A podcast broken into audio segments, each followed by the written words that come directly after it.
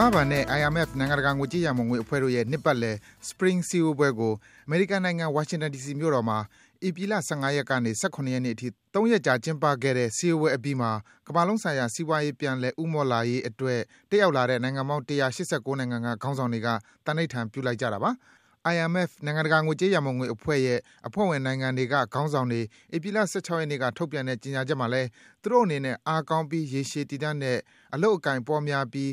မျှတမှုရှိတဲ့ ကမ္ဘာလုံးဆိုင်ရာ ဖွံ့ဖြိုးမှုဖြစ်ပေါ်ရေးကို ဦးတည် လုပ်ဆောင်သွားကြမယ်လို့ ဖော်ပြထားပါတယ်။အခုနှစ်အစောပိုင်းက ကမ္ဘာ့ငွေကြေးဈေးကွက် မတည်မငြိမ်မှုတွေ ဖြစ်ပေါ်ခဲ့ပြီးတဲ့နောက် စီးပွားရေးဖွံ့ဖြိုးမှုနဲ့ဆိုင်တဲ့ စိုးရိမ်မှုတွေ တိုးမြင့် ဖြစ်ပေါ်လာခဲ့တာပါ။ကမ္ဘာ့ ဒုတိယ စီးပွားအင်အားအကြီးဆုံးနိုင်ငံဖြစ်တဲ့ တရုတ်နိုင်ငံရဲ့ စီးပွားရေးဖွံ့ဖြိုးမှုဟာ ထင်ထားတာထက် ပိုပြီးနှေးကွေးမယ်ဆိုတဲ့ စိုးရိမ်မှုတွေ ထွက်လာပြီးတဲ့နောက်မှာ ကမ္ဘာလုံးဆိုင်ရာ စီးပွားရေးကျဆင်းမှု ဖြစ်ပေါ်နိုင်တယ်ဆိုတဲ့ သံသယတွေလည်း ဝင်လာခဲ့တာပါ။ Globalization လို့ခေါ်တဲ့ ကမ္ဘာမှုပြုရေးရဲ့ ဂယက်ရိုက်မှုတွေကို ခံလိုက်ရတဲ့ တိုင်းပြည်တွေမှာ အလုပ်လက်မဲ့ဖြစ်တာနဲ့ လုပ်အားခတွေ တိုးလာခြင်းမရှိတဲ့ အခက်အခဲတွေနဲ့ ရင်ဆိုင်နေခဲ့ရတာပါ။အမေရိကန်ပြည်ထောင်စုမှာလည်း အဲဒီရဲ့ နောက်ဆက်တွဲ အကျိုးဆက်အဖြစ် သမ္မတရွေးကောက်ပွဲမှာ ရီပတ်ဘလီကန်ပါတီကို ကိုယ်စားပြု အရွေးခံနိုင်ဖို့ ကြိုးစားနေတဲ့ Donald Trump လို ပုဂ္ဂိုလ်တွေ နိုင်ငံရေးစင်မြင့်မှာ ရှေ့တန်းက ဦးဆောင်သူအဖြစ် ရောက်လာခဲ့ပါတယ်။ဗြိတိန်နိုင်ငံမှာဆိုရင်လည်းအီးယူအတွင်း ဆက်နေသင့် မနေသင့်ဆိုတဲ့ကိစ္စကို လာမယ့် ဇွန်လအတွင်း မဲခွဲ ဆုံးဖြတ်ကြတော့မှာပါ။ ငွေကြေးဆိုင်ရာ ခေါင်းဆောင်တွေက သူတို့ရဲ့ လုပ်ဆောင်ချက်က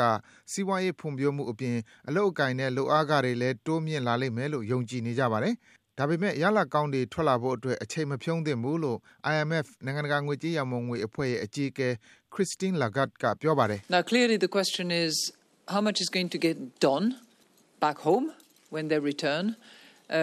“မေးခွန်းထုတ်စရာရှိတာက ဒီစည်းဝေးပွဲကို လာတက်ကြတဲ့သူတွေက ကိုယ့်တိုင်းပြည်အသီးသီးကိုပြန်ရောက်တဲ့အခါမှာသူတို့အနေနဲ့ဘယ်လောက်လုပ်နိုင်စွမ်းရှိမလဲဆိုတာပါပဲ။နိုင်ငံရေးအရဘယ်လောက်အထိအင်အားသုံးဖို့လိုအပ်မလဲ၊ဘယ်လောက်အထိနိုင်ငံရေးအာဏာကိုအသုံးပြုဖို့လိုမလဲဆိုတာပါပဲ။ဒါဟာကျမတို့ဘက်ကသူတို့အပေါ်တိုင်းတာမယ့်၊အမှတ်ပေးမယ့်၊သူတို့ရဲ့လုပ်ဆောင်နိုင်စွမ်းကိုထောက်ပြဝေဖန်မယ့်အချက်တွေဖြစ်ပါတယ်။”သက်သာတဲ့အတိုးနှုန်းဆက်ထားရှိရေးနဲ့စီးပွားရေးဖွံ့ဖြိုးမှုဖြစ်ပေါ်စေအောင်အစိုးရတွေအနေနဲ့ငွေကြေးပိုမိုသုံးစွဲကြဖို့တောင်းဆိုထားတဲ့စည်းဝေးပွဲကိုတက်ရောက်နေကြတဲ့ IMF နဲ့ ကမ္ဘာ့ဘဏ်က အရာရှိတွေဟာ အခုသီတင်းပတ်အတွင်း အမေရိကန်နိုင်ငံ၊ဝါရှင်တန် ဒီစီမြို့တော်က ဆွေးနွေးပွဲအပြီးမှာ အဲဒီ ကြေညာချက် ထွက်လာတာလည်း ဖြစ်ပါတယ်။ဝါရှင်တန် ဒီစီမြို့မှာ ကျင်းပတဲ့ ကမ္ဘာ့ဘဏ် စည်းဝေးပွဲကို တက်လာကြတဲ့ နိုင်ငံတကာက ဖွံ့ဖြိုးရေးဆိုင်ရာ ပညာရှင်တွေ၊မူဝါဒ အကြီးအကဲတွေနဲ့ စီးပွားရေးပညာရှင်တွေနဲ့ ပြုလုပ်တဲ့ စည်းဝေးပွဲအတွင်း ကမ္ဘာ့ ထိပ်တန်း အချမ်းသာဆုံး ပုဂ္ဂိုလ်လည်းဖြစ်၊ ဖွံ့ဖြိုးရေးနဲ့ဆိုင်တဲ့ ပရဟိတလုပ်ငန်းတွေအတွက် သူ့ရဲ့ ပိုင်ဆိုင်မှုတွေထဲက ကုဋေနဲ့ချီ လှူဒါန်းလုပ်ကိုင်နေတဲ့ Bill Gates လည်း ပါဝင်ဆွေးနွေးတာမှာတော့ နိုင်ငံတကာ ဖွံ့ဖြိုးရေးအစီအစဉ်တွေဟာ အောင်မြင်မှုရှိနေတဲ့အကြောင်း ပြောကြားခဲ့ပါတယ်။“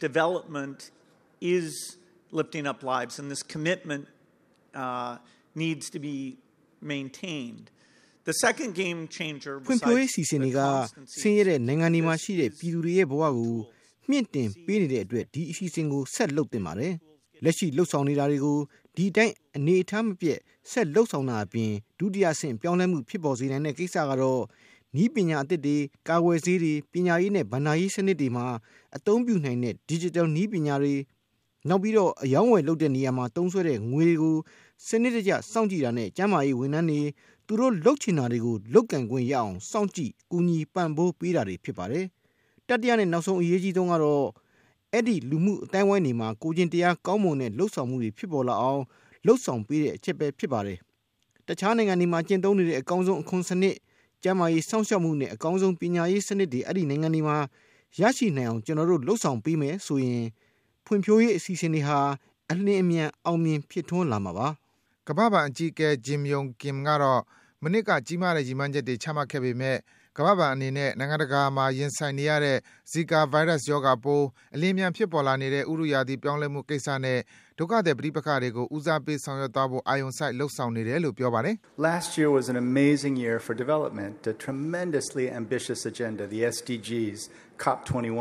“ပြီးခဲ့တဲ့နှစ်ဟာ SDG လို့ခေါ်တဲ့ ရေရှည်တည်တံ့တဲ့ ဖွံ့ဖြိုးရေးရည်မှန်းချက်၊ COP21 လို့ခေါ်တဲ့ ပဲရစ် ရာသီဥတုပြောင်းလဲမှုဆိုင်ရာ ညီလာခံနဲ့ ဖွံ့ဖြိုးရေးနဲ့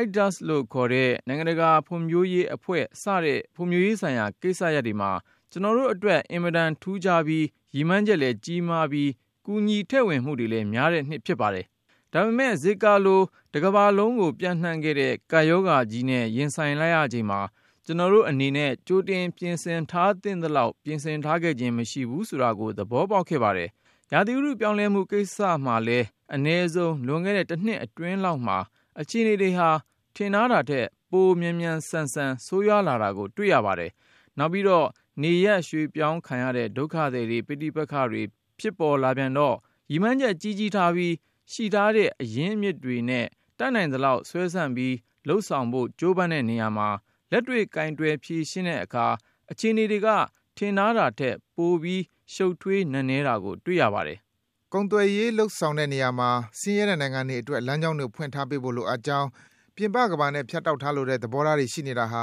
အဲဒီ ဖွံ့ဖြိုးမှုနောက်ကျတဲ့ နိုင်ငံတွေက ဆင်းရဲမွဲတေမှုတွေကို ဆိုးကျိုး ပိုမိုတက်ရောက်စေတဲ့အကြောင်းလဲ Jim Yong Kim က ပြောပါတယ်။ဖွံ့ဖြိုးရေးဆိုင်ရာ ကိစ္စရပ်တွေကိုကင်တွယ် ဖြေရှင်းဖို့အတွက် နိုင်ငံတကာ ဖွံ့ဖြိုးရေးအဖွဲ့က2016ခုနှစ်အတွက် ချမှတ်ထားတဲ့ အကူအညီကို အမေရိကန်ဒေါ်လာ ဘီလီယံ 100အထိ တိုးမြှင့်ပေးသင့်ကြောင်းလည်း ကမ္ဘာ့ဘဏ်အကြီးအကဲ Jim Yong Kim က စည်းဝေးပွဲအတွင်း အကြံပြု ပြောကြားခဲ့ပါတယ်။အရှေ့အလယ်ပိုင်းဒေသမှာ ပဋိပက္ခတွေ ဖြစ်ပေါ်နေတာ၊ဥရောပတိုက်အတွင်းက ဒုက္ခသည်တွေအရေး၊ EU ထဲက ဗြိတိန်နိုင်ငံထွက်မယ့် အလားအလာတွေ ဖြစ်နေတာနဲ့ နိုင်ငံတကာ ကုန်သွယ်ရေးအပေါ် အမေရိကန်နိုင်ငံအတွင်း နိုင်ငံရေးအရ ဆန့်ကျင် ကန့်ကွက်မှုတွေ ဖြစ်ပေါ်နေတာတွေကြောင့် ကမ္ဘာ့စီးပွားရေး ဖွံ့ဖြိုးမှု နှေးကွေးနိုင်တယ်လို့ IMF နိုင်ငံတကာ ငွေကြေးရန်ပုံငွေအဖွဲ့ရဲ့ ပြန်လည် သုံးသပ်ချက်ကို ပြီးခဲ့တဲ့ သီတင်းပတ်အတွင်းမှာပဲ ထုတ်ပြန်ခဲ့ပါတယ်ခင်ဗျာ